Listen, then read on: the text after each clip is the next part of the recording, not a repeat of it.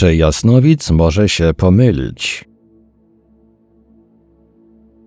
Obcując od lat z ludźmi o zdolnościach ekstrasensytywnych, prowadząc z nimi eksperymenty, a także uważnie obserwując życiową oraz profesjonalną drogę, niejednokrotnie stawałem się świadkiem ich triumfów i klęsk, niekwestionowanych sukcesów i równie bezapelacyjnych porażek. To samo można powiedzieć o osobach, które nie posiadają takich właściwości sensu stricto, natomiast dzięki głębokiej wiedzy oraz zdobytemu doświadczeniu, np. w sferze astrologii czy chiromancji, wyspecjalizowały się w odczytach dotyczących ludzkich losów. Tego typu przykładów można przytoczyć wiele. Najbardziej znani healerzy, którzy zazwyczaj nader trafnie stawiają diagnozy zdrowotne zjawiającym się u nich ludziom, niekiedy całkowicie błędnie interpretują sygnały emitowane przez organizm pacjenta, a ich opinia nie znajduje później potwierdzenia w wynikach badań klinicznych. Również teleradiesteci, niejednokrotnie odnajdujący ciała ludzi zaginionych, czy też prawidłowo ustalający miejsca ich pobytu, Policja zna takie przypadki. Wystarczy przypomnieć tu działalność nieżyjącego już Zbigniewa Zbiegieniego. Innym razem nie potrafią niczego zdziałać lub w dobrej wierze przekazują kompletnie chybione informacje. W jednym z eksperymentów kryminalistycznych z udziałem jasnowidza, jaki miałem możliwość obserwować, uczestnicząca w nim osoba obdarzona zdolnościami w sferze prekognicji przekazała na przykład w kilku sprawach zadziwiająco precyzyjne szczegóły analizowanych przez służby śledcze zdarzeń. Przy czym parę tych informacji potwierdziło się dopiero później, skąd płynie wniosek, że ich źródłem mógł być jedynie odczyt paranormalny. Jednocześnie jednak w jednej z tych spraw, już rozwikłanej, sprawcy zbrodni przyznali się do jej popełnienia i zostali osądzeni. Była to po prostu tak zwana ślepa próba, którą stosuje się w wielu eksperymentach, podała zupełnie inne od rzeczywistych okoliczności popełnienia przestępstwa. Nietrafną okazała się również jej opinia dotycząca losów zaginionego młodego człowieka. Z wizji, jaką otrzymał jasnowiec, wynikało, że po zadanym w bójce ciosie chłopiec poniósł śmierć w nurtach rzeki. Tymczasem osoba poszukiwana przez policję oraz rodzinę kilka miesięcy potem odnalazła się cała zdrowa. Najbardziej bodaj wymowną egzemplifikacją tego typu pomyłek są astrologiczne prognozy stawiane u progu każdego nowego roku przez mieszkającego w Rzymie znanego astrologa Petera Van Wooda, którego umiejętności i autorytet w tej dziedzinie wydają się niekwestionowane. Jego horoskopy zamieszcza wiele tytułów prasowych na świecie, włącznie z naszym rodzimym przekrojem.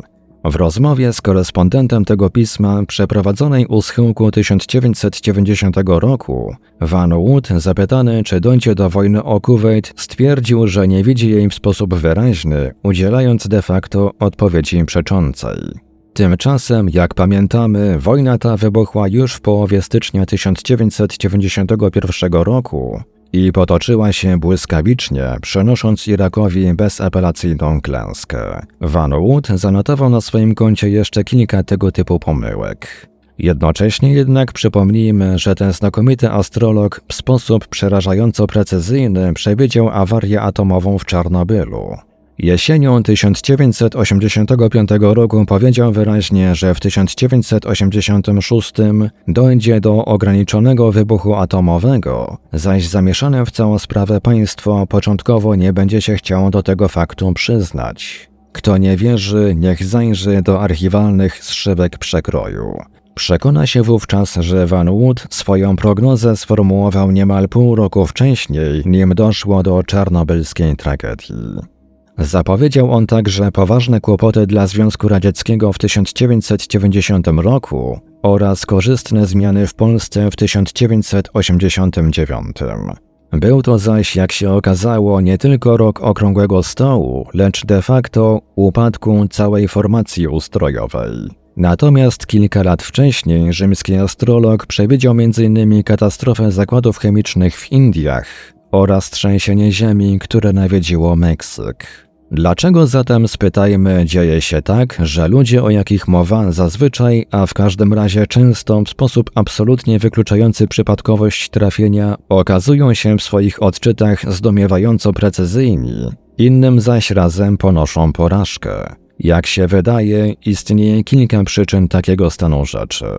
Po pierwsze, jest to odpowiedź najbardziej banalna z możliwych, skoro mylimy się wszyscy, bowiem jako istota ludzka zostaliśmy wyposażeni również w prawo popełniania błędów, które niejako są immanentnie wkalkulowane w samą istotę i sens naszego istnienia. Nie ma ani jednego powodu, by z tej ogólniejszej reguły wyłączyć jasnowidza i radiestetę, healera czy astrologa, i to nawet wówczas, gdy dorobek każdego z nich jest bezsporny. Popełniane przez nich pomyłki mieszczą się po prostu w pewnej średniej statystycznej. W ich przypadku poddanej wprawdzie bardzo szczególnym rygorom, niemniej również podporządkowanej ogólniejszym prawom natury. Nie należy też zapominać, że każdy z nas może mieć swój słabszy dzień ze wszystkimi wynikającymi z tego faktu konsekwencjami.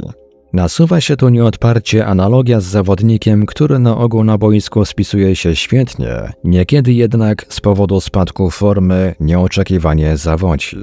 Po drugie, i jest to bodaj najczęstsza przyczyna pomyłek, cały problem może zasadzać się na błędzie interpretacyjnym odbieranych informacji czy też sygnałów. Polega to na przykład na zbyt dosłownym odczytywaniu przez jasnowidza jego wizji, bez próby przełożenia ich symboliki na język konkretnych faktów oraz zdarzeń. Nie istnieje przy tym zazwyczaj możliwość dokonania takiej translacji przez kogoś innego. Każdy człowiek bowiem, a już zwłaszcza obdarzony zdolnościami ekstrasensytywnymi, stanowi indywidualność, a tym samym kody, jakimi posługuje się jego podświadomość czy nadświadomość, mogą oznaczać coś zupełnie odmiennego niż podobne sygnały odbierane przez kolegę z branży. Podobnie jest zresztą upieram się z symboliką snów, którą poza nielicznymi wyjątkami trzeba traktować właśnie bardzo indywidualnie. Wszelkie zaś uniwersalne senniki wypada spokojnie odłożyć do lamusa. Po trzecie wreszcie, i to z kolei wypada uznać za rzecz najważniejszą, w każdej dziedzinie wiedzy, czy też w zakresie posiadanych umiejętności, konieczna jest nieustanna praca nad sobą, samodoskonalenie, nie poprzestawanie na osiągniętych już rezultatach. Niestety, pewna część ludzi obdarzonych właściwościami ekstrasensytywnymi zdaje się o tej prawdzie zapominać. Mówiąc innymi słowy, dar natury, jaki przypadł im w udziale, traktują oni jako coś, co raz na zawsze zostało dane. Swego rodzaju objawienie zwalniające od dalszej pracy nad sobą, rozwoju osobowości i uzdolnień. Takie zaś podejście pociąga za sobą coraz częstsze błędy, a z czasem utratę prestiżu i wiarygodności. Wypada o tym wszystkim przypomnieć, zwłaszcza, choć nie tylko niektórym ludziom uważającym się za healerów. Notując na swoim koncie niekiedy znaczące nawet efekty terapeutyczne, rychło rozmieniają je oni na drobne i przestają nad sobą pracować, traktując stawiane przez się diagnozy jako niepodlegające dyskusji i niedopuszczające możliwości omyłki. W przypadku tego typu postaw los okazuje się jednak bezlitosny a ludzi, o jakich mowa, wcześniej czy później rozlicza życie. Powtórzmy raz jeszcze, nawet największy i najwspanialszy dar natury nie uwalnia od konieczności pracy nad sobą, stałego dokonywania samokrytycznej oceny, a w razie potrzeby również swoistej autokorekty. Na tytułowe pytanie, czy jasnowic może się pomylić, odpowiadam zatem owszem i ma on do tego prawo. Jeśli jednak wskutek niechęci do doskonalenia własnych uzdolnień zacznie mu się to zdarzać zbyt często, nieuchronnie ryzykuje pytanie, czy jego renoma nie jest aby przesadzona, a umiejętności w ostatecznym rozrachunku nie okazują się iluzoryczne.